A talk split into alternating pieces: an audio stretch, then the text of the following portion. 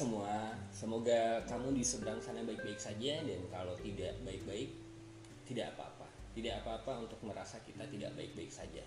Lagi-lagi masih dalam spirit eksistensialisme. Kecemasan itu adalah panggilan sebenarnya menurutku ya adalah panggilan untuk lebih kenalan dengan diri sendiri untuk mau apa untuk memahami dari mana dan mau ke mana kita nanti baik masih dalam tema yang sama dengan siniar sebelumnya aku masih terusik oleh aliran ini ya eksistensial uh, eksistensialisme sendiri kita tahu dia berkembang di Prancis pada mulanya yang ternyata kalau kita gali itu tak lebih daripada kesalahpahaman Sartre pada sang guru yaitu Heidegger gitu. Tapi itulah filsafat. Filsafat bisa lahir bahkan lewat proses kesalahpahaman kesalahpahaman kreatif, kesalahpahaman yang inovatif gitu.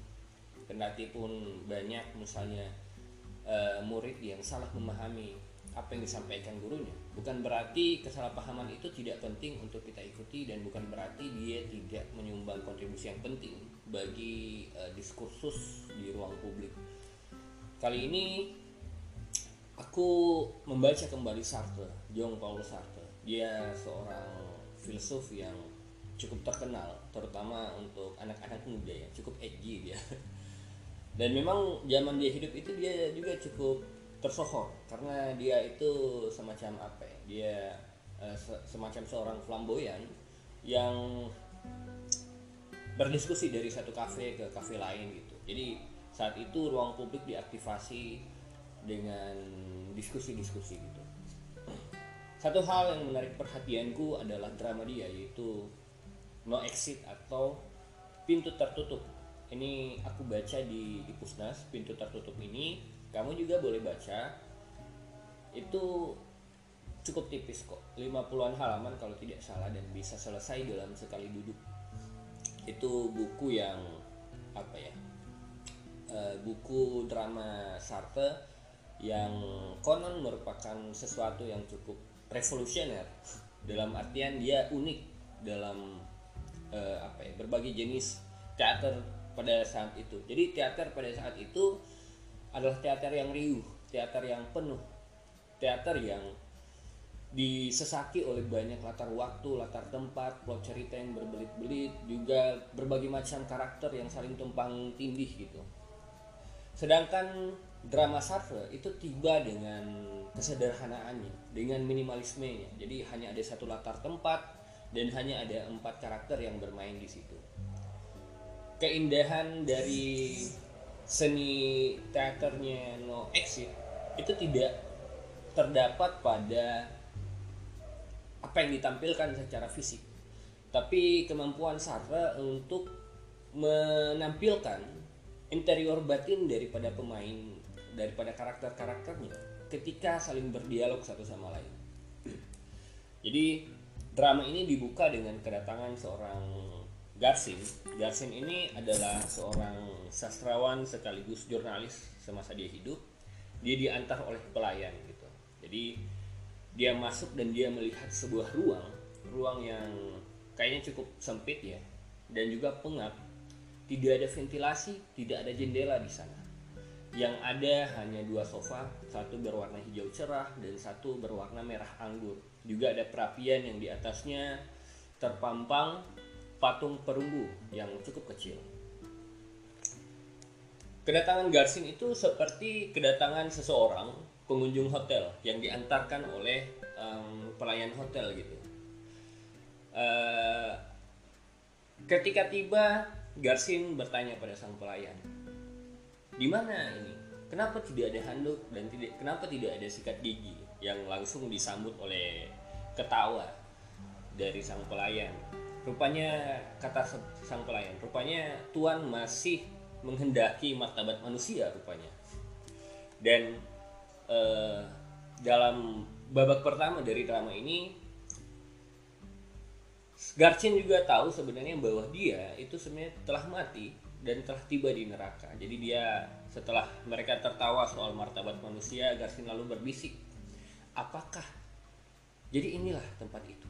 ini dan sepertinya tempat itu tidak seperti yang diomongkan oleh orang-orang di bawah jadi memang tidak ada alat penyiksaan di sana Garsin tahu betul dia adalah seseorang yang penuh dosa yang diantarkan ke neraka tapi neraka di dalam imajinasi Sartre neraka yang dimasuki oleh Garsin itu rupanya neraka yang lebih gampang daripada imajinasi manusia kebanyakan.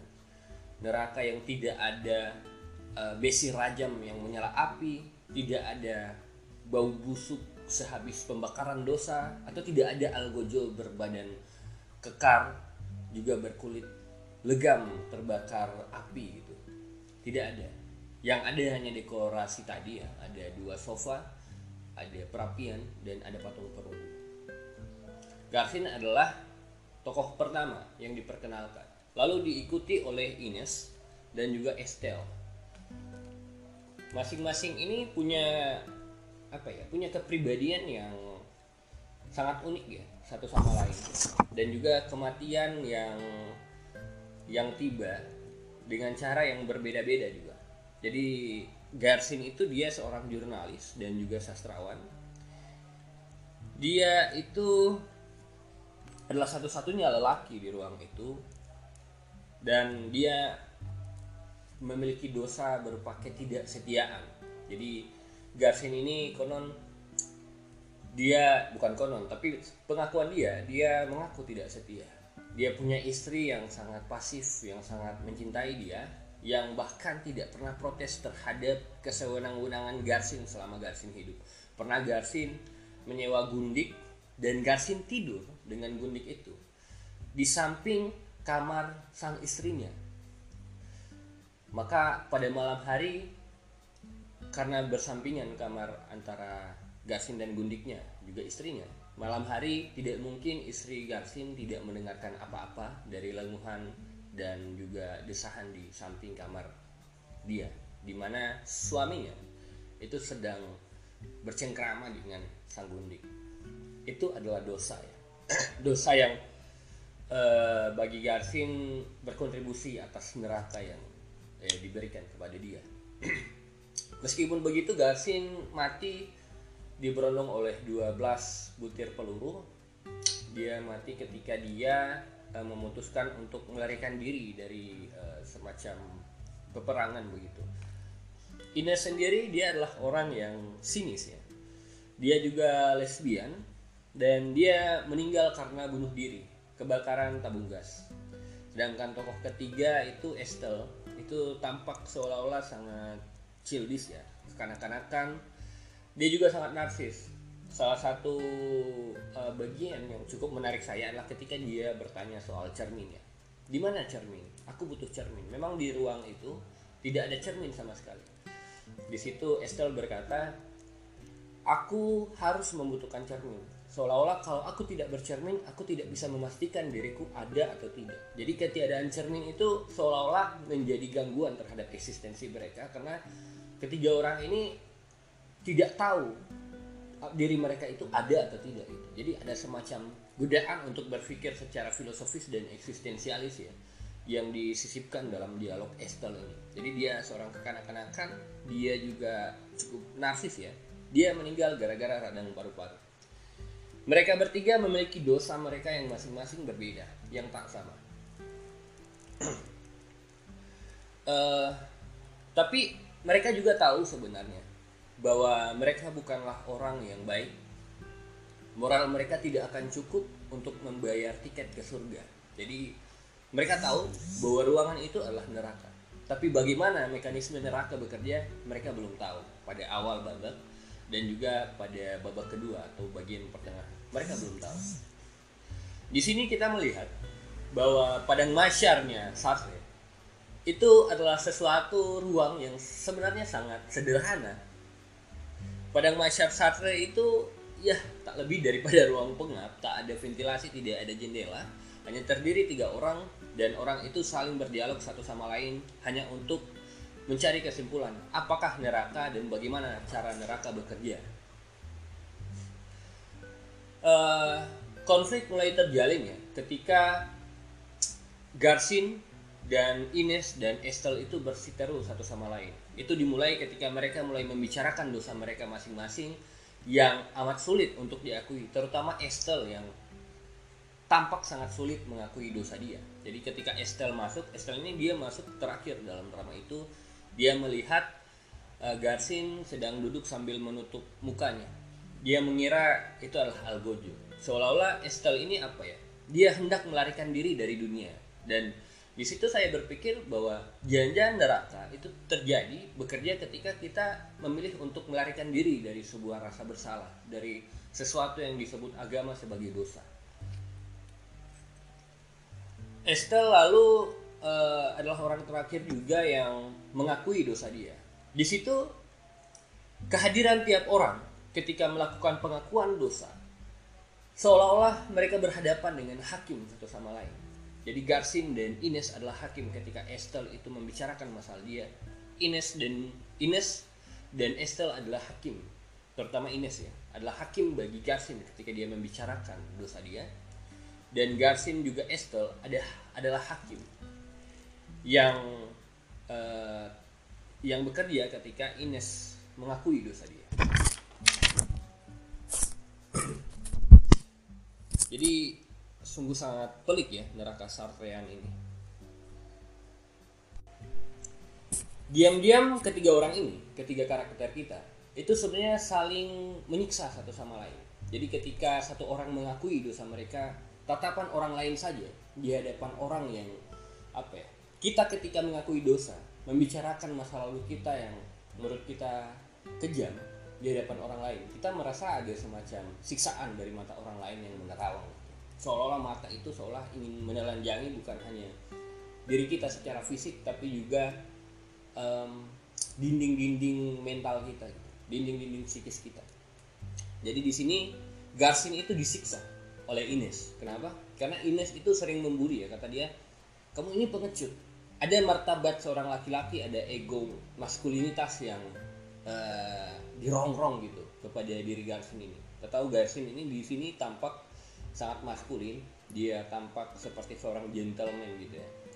Seorang yang mungkin uh, adalah salah satu produk terbaik daripada patriarki di mana dia bahkan mungkin ya berpikir bahwa menaklukkan perempuan sebanyak-banyaknya adalah semacam piala kemenangan gitu. Sehingga uh, apa ya kata-kata seperti pengecut itu merupakan racun yang yang sangat menyakitkan bagi ego laki-laki yang dimiliki Garsin.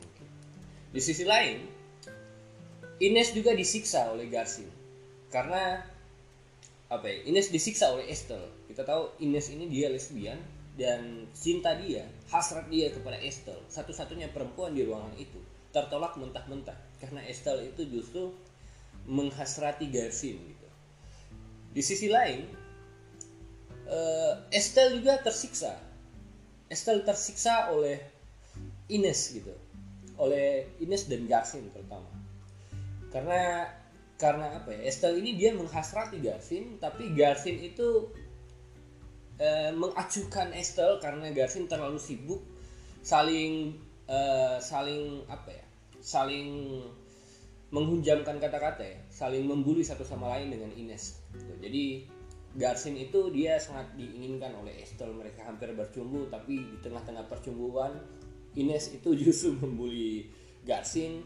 Dan Garsin yang merasa terbuli kemudian dia pengen lari. Estelle kemudian merasa terganggu oleh Ines sehingga dia e, berusaha untuk merebut perhatian Garsin yang telah diserap dirampas oleh Garsin oleh oleh Ines gitu.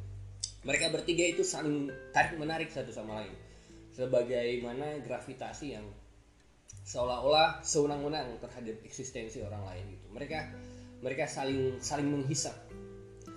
Nah, tapi yang paling merasakan siksa yang paling parah barangkali adalah Garsin ya. Dia satu-satunya laki-laki di situ, martabat dia seolah-olah diinjak oleh Ines ya. Jadi dia kayak pengen melarikan diri gitu. Dia pengen melarikan diri di satu sisi lain dia ingin memulihkan ego dia sebagai laki-laki dengan Estelle dengan bercumbu dengan Estelle di sisi lain ego dia sebagai laki-laki itu dicabik-cabik oleh Ines gitu karena uh, dia pun menyadari bahwa itu adalah sebuah penuntut yang sebenarnya tidak perlu dibanggakan dan tidak mungkin dapat dibanggakan. Um, dia kemudian Garsin memilih untuk melarikan diri ke satu-satunya pintu yang menghubungkan ruang itu dan dunia dunia luar gitu. Dia berkata, "Buka. Buka laknat. Aku sedia menerima segala-galanya. Jepit panas, timah lebur, semua alatku. Segala yang membakar dan merobek. Aku sedia menerima siksaan yang kau berikan. Apa saja. Apa saja lebih baik daripada derita batin ini. Keperihan yang menyelinap, yang menggigit dan menggerayangi, mengusap-usap, yang menikam tapi tak pernah cukup dalam. Jadi di situ Garsin mengguncang-guncang pintu. Dia berteriak, buka, buka. Namun yang menarik, ketika pintu itu terbuka, Garsin justru memilih untuk tidak keluar dari situ. Dia menutup kembali pintu itu dan dia berpikir, kalau aku melarikan diri juga dari neraka ini, maka Ines akan menang. Ines akan menertawakan kemenangan dia karena merasa Garsin kalah untuk menjadi pengecut kedua kalinya, bahkan di neraka ini. Garsin kemudian memilih untuk tidak keluar. Dia melanjutkan um, pertarungan, saling bully dengan Ines gitu. Mereka saling membuli satu sama lain dan Estelle juga merasa terbuli karena situasi itu. Mereka akhirnya sebenarnya saling menyiksa satu sama lain dalam petikan dialog yang saya saya kutip tadi ada yang menarik ya di situ uh, seseorang akan memilih disiksa secara fisik daripada siksaan yang diberikan di dalam ruangan itu yaitu neraka batin. Pada akhir drama Garsin kemudian berkata menjadi juru bicara Sartre dia berkata neraka adalah orang lain. Maksud neraka adalah orang lain adalah kita. Itu disiksa bukan karena siksaan yang paling kejam itu bukan karena besi rajam yang panas menyala atau jepitan atau uh, segala sesuatu alat penyiksaan yang bisa kita lihat di komik-komik neraka waktu kita masa kecil. Yang paling neraka dari neraka adalah pandangan orang lain, objektifikasi orang lain terhadap kita dan penghakiman-penghakiman yang bahkan seolah-olah tidak bisa kita tolak kehadirannya pada tempat pertama gitu. Seolah-olah rasa insecure itu sudah ada bahkan di saat yang sangat pra-reflektif gitu. Jadi sebelum kita tahu bahwa kita insecure, kita sebenarnya sudah insecure ketika berhadapan dengan orang lain. Karena itu um, drama ini menggelinding hanya untuk sampai pada satu kesimpulan bahwa orang lain adalah neraka. Nah, jadi uh, itu ya kalau bisa saya persingkat itu adalah uh, pembacaan saya terhadap ringkasan terhadap dramanya Sartre ini walaupun menurutku kalau kamu itu pengen pengalaman yang lebih seru ya dalam membaca silahkan baca sendiri lebih bagus membaca sendiri sih menghayati dari bagian-bagian kata-kata mereka uh, ikut ikut apa ya ikut terlibat di dalam dialektika dari satu sama lain karakter di dalamnya neraka adalah orang lain adalah konsep yang cukup terkenal yang sering kita dengar ketika kita berkenalan dengan Sartre ya. Jadi di buku filsafat eksistensialis yang dibikin oleh apa ya semacam antologi tulisan tentang Sartre oleh uh, komunitas dia karya, aku menemukan tulisan Setio Wibowo. Dia bicara bahwa ada relasi antara Sartre dengan neraka versi Sartre juga dengan masa kanak-kanak dia yang tidak banyak bersahabat dengan ingatannya. Jadi eh, Romo Setio membagi dua jenis kejatuhan yang terjadi pada Sartre. Yang pertama adalah ketika dia itu diejek sama kakeknya. Katanya jadi Sartre itu diajak ke barbershop, kemudian dia pulang dan kata kakeknya, "Muka kamu seperti kodok gitu, seperti katak." Sartre yang awalnya adalah anak kecil yang riang yang e, merasa dirinya tampan yang sering dipuji oleh ibunya itu kemudian merasa terjatuh gitu saat itu neraka adalah apa ya tetapan orang lain adalah neraka. Itu terproyeksikan terhadap kata-kata sang kakek yang berkata bahwa e, kamu jelek gitu. Jadi neraka adalah tetapan adalah objektifikasi dari sang kakek. Kejatuhan kedua adalah ketika ibu Sartre itu menikah dengan bapak tirinya dan saat itu Sarte seolah tercerabut. Sarte tidak lagi menjadi rotak menjadi poros dari semesta cinta sang ibu. Dia merasa cemburu ya, ada semacam uh, semangat Oedipus kompleks yang bangkit gitu di dalam diri Sartre ketika melihat ibunya itu punya uh, gebetan baru, punya suami baru gitu. Tiba-tiba Sartre merasa dia tak lagi cukup, dia tak lagi menjadi satu-satunya yang dicintai oleh sang ibu. Di situ barangkali neraka adalah orang lain. Itu bisa kita um, pahami dari hubungan dia dengan bapak tirinya bapak tirinya adalah neraka bagi Sartre gitu. gagasan bahwa neraka adalah orang lain itu adalah gagasan yang paling mendasar kata dia dari um, dari eksistensialisme dia gitu jadi ini juga sangat dipengaruhi oleh Levinas ya kita tahu Levinas itu banyak banyak menyumbangkan berbagai macam pikiran di dalam Sartre. Uh, orang lain adalah neraka dalam artian kita berhadapan dengan orang lain. Bahkan kendati Sartre tidak berhadapan dengan kakek dia atau bapak diri dia. Kita selalu merasa sebagaimana ada Duma Levinas di sini merasa ada substitusi ketika kita berhadapan dengan orang lain. Ketika orang lain tiba di hadapan kita, Liam tiba di hadapan kita. Seolah-olah eksistensi kita itu diserap ke dalam orang lain itu kita yang awalnya subjek ketika berhadapan dengan orang lain kita kemudian menjadi objek dari pertemuan itu gitu. Nah saat itu penerimaan pasif terhadap objektifikasi semacam itu itu adalah sesuatu yang bagi Sartre adalah neraka. Dia neraka karena dia dalam satu hal dia merenggut kebebasan kita sebagai manusia. Jadi misalnya kita lagi nongkrong. Pernah nggak kita misalnya lagi nongkrong?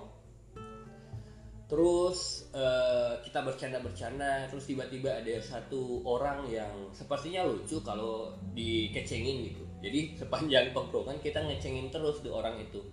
Nah orang itu kan merasa bahwa wah jangan-jangan mereka benar nih. Wah jangan-jangan uh, aku adalah seseorang yang yang begitu gitu. Nah orang yang dikecengin ini dia merasa diobjektifikasi. Mereka dia tidak lagi menjadi subjek ya. Dia menjadi objek dia tidak lagi menyadari diri dia sebagai subjek melainkan menjadi objek dari tongkrongan itu. Saat itulah saat apa ya uh, subjek itu tercerabut dari diri dia dan disubstitusi dengan objek maka dia saat itu tidak bebas.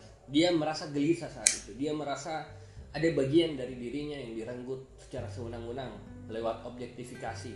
Jadi objektifikasi itu ya dikecengin itu gitu misalnya.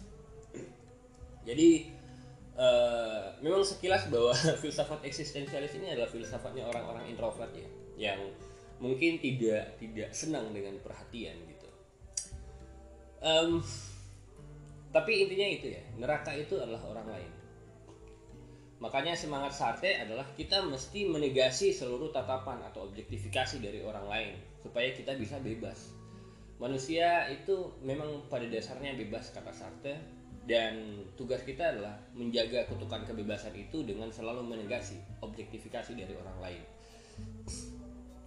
Nah itu maksudnya adalah neraka. Ketika berhadapan dengan orang lain, bahkan kita hanya diam aja, atau misalnya begini ya, ini contoh menarik dari uh, penulis Levinas yang kemarin pernah aku dan kamu obrolkan. Uh, bayangin kita makan di satu warteg atau nasi padang kita datang dengan teman-teman kita kolega kita teman kerja atau teman main kita. Lalu um, makanan yang pertama tiba itu adalah makanan kita dan kita merasa nggak enak untuk makan duluan karena teman-teman yang lain itu belum ada makanannya. Dan kita semua sama-sama lapar. Aku pernah dalam kondisi di mana makananku sudah sampai lalu aku bilang ah, mari makan gitu. Di satu-satunya meja hanya makananku yang ada dan aku makan lebih dulu gitu. Terus aku melihat tatapan orang lain itu kepada aku seperti uh, sedang menginterogasi gitu.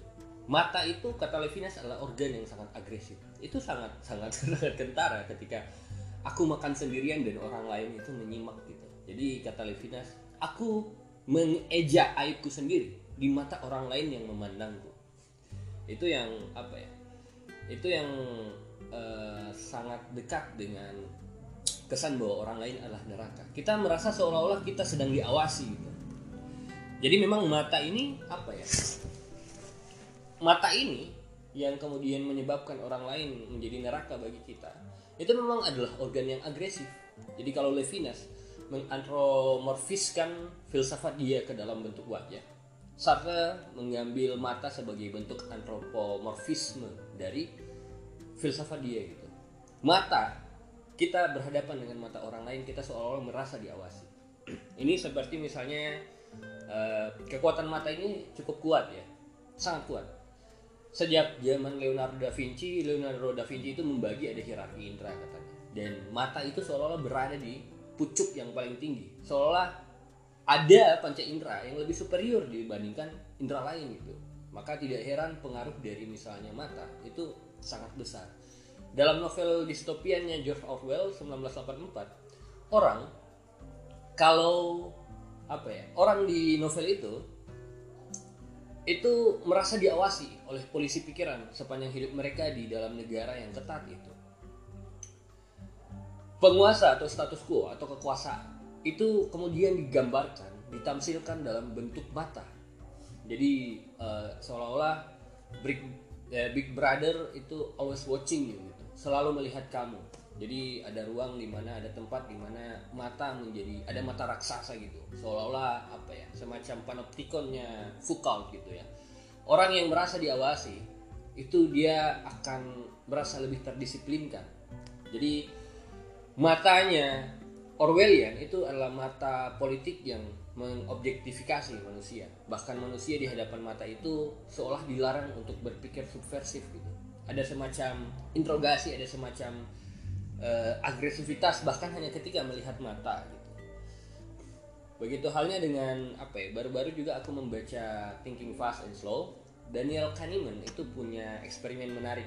Jadi ada suatu cafe di kampus dia yang orang boleh ambil kopi atau teh secara gratis. Tapi di samping tempat bikin kopi itu ada semacam apa ya semacam kotak amal gitu ya.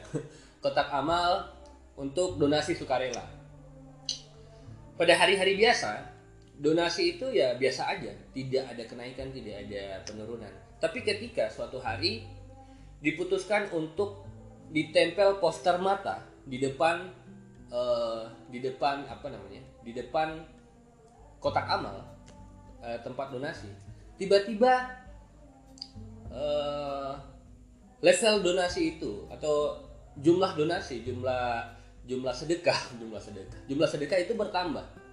Gitu. Jadi minggu pertama ditempel poster mata, jumlah sedekah bertambah. Minggu kedua ditempel poster bunga, jumlah sedekah menurun. Minggu ketiga ditempel poster mata, jumlah sedekah naik. Minggu keempat ditempel poster bunga, uh, jumlah sedekah turun lagi. Dan begitu seterusnya. Tiap kali ada minggu di mana poster mata ditempel, orang itu tingkat mereka untuk kemungkinan mereka untuk berdonasi itu semakin tinggi dan ketika ditempel bunga kemungkinan berdonasi itu semakin rendah gitu. karena ada perasaan seolah-olah kita diawasi gitu tidak heran bahwa dalam teologi Tuhan itu salah satu nama yang paling kuat dari Tuhan adalah maha melihat jadi kita kalaupun kita berada di tempat paling privat di mana kita itu mengecilkan diri kita adalah di dunia ada di dunia yang paling asing dan paling sunyi dan paling sepi di muka bumi ini tapi kita itu bisa merasa terusik dengan imajinasi bahwa Tuhan sedang melihat kita. Jadi maha melihat itu bahwa seolah-olah kita tidak sendirian dan di situ kita terdisiplinkan untuk misalnya tidak melakukan dosa. Jadi menarik juga uh, kalau misalnya digambarkan apa ya? Kalau misalnya kita adopsi ini misalnya untuk uh, apa misalnya sholat Jumat itu kan biasa ada ada kotak amal gitu. Ya. di kotak amal itu ditaruh aja mata, tapi nggak tahu kalau jajan umat muslim akan bilang wah ini dajjal nih ini masjid dajjal gitu tapi dalam apa ya dalam telah psikologis sepertinya itu menarik. Walaupun kata Sartre sekali lagi uh, tatapan orang lain entah itu dalam bentuk big brother dalam bentuk uh, poster mata dalam bentuk uh, sifat Tuhan yang maha melihat kita tahu bahwa Sartre memilih ateis itu adalah neraka bagi orang lain. Neraka adalah uh, ketercerabutan seseorang dari kebebasan dia. Jadi ya demikian ya jadi mata itu adalah organ yang sangat agresif memang. Nah paling begitu saja sih menurutku. Itu semacam refleksiku ya ketika membaca drama Sartre ini. Kamu boleh baca dan menurutku banyak potensi di mana kita bisa mengembangkan uh, dramanya Sartre ini ke dalam level diskusi yang lain ke tema-tema yang menarik soal eksistensial. Ada beberapa yang cukup provokatif yang menggodaku untuk berpikir ya. Misalnya Estelle ketika dia merasa tersiksa juga lewat objektifikasi dari mata Garsin dan mata Ines, dia bahkan tidak bisa menangis. Dan di situ ada semacam deskripsi bahwa di neraka air mata itu tidak bisa tumpah gitu.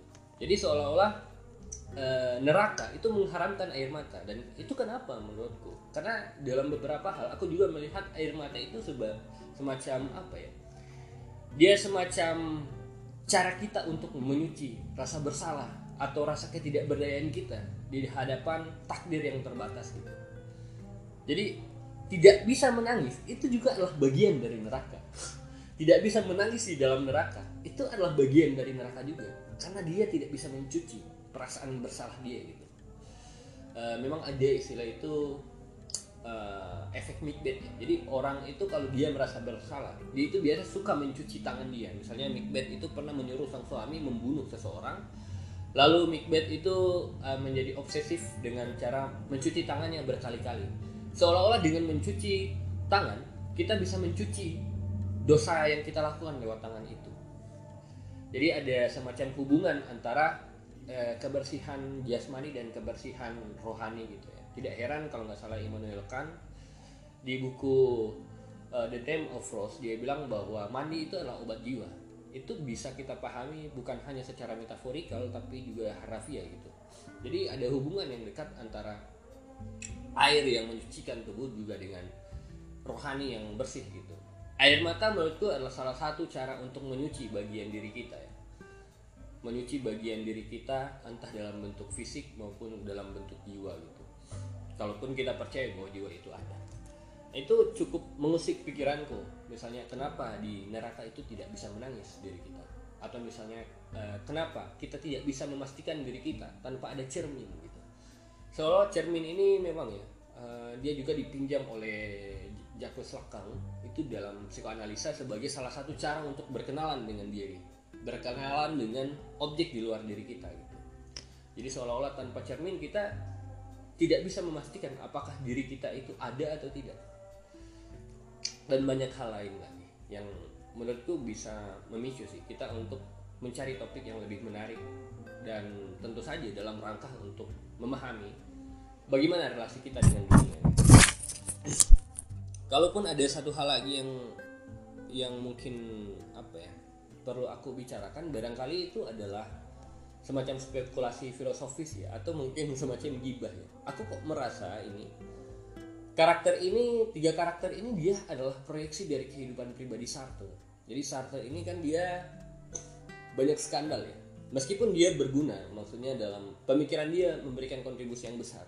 Bagi budaya Prancis bagi uh, dunia politik dan bagi perkembangan diskusi-diskusi filsafat tapi dia tak lepas dari skandal yang bagi banyak orang terutama mayoritas Indonesia itu adalah sesuatu yang sangat aib gitu. Uh, jadi Sartre dan Simon ini itu suka memburu ya berburu ubur-ubur. Ya ubur-uburnya ini adalah mahasiswi mereka. Jadi biasanya Simon itu mengajak mahasiswi dia untuk berhubungan seksual. Saat itu memang uh, lesbianisme atau homoseksual itu itu sudah mulai diakui sebagai salah satu cara memberontak dan itu cukup memikat bagi beberapa mahasiswi-mahasiswinya Simon gitu. Dan setelah itu lalu mahasiswi itu diarahkan kepada Sartre dan mereka melakukan uh, percumbuan bertiga gitu. Ada trisom begitu. Nah karakter ini ya kalau kalau boleh aku spekulasi itu sepertinya adalah proyeksi.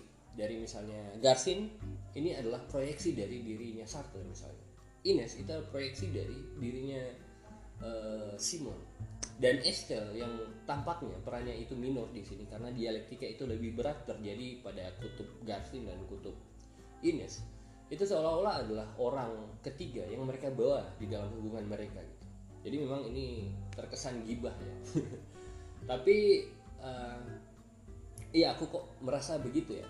Seolah-olah ada ada proyeksi seperti itu tapi ini menarik karena memang kan tiap orang kendati misalnya uh, Sartre itu menurut Roland Barthes ketika kita menulis maka pengarang telah mati tapi sebagian dari diri pengarang itu hidup di dalam tokoh-tokoh yang mereka ciptakan. Tidak mungkin kita menciptakan tokoh yang tidak pernah bersentuhan di dalam pengalaman kita sehari-hari.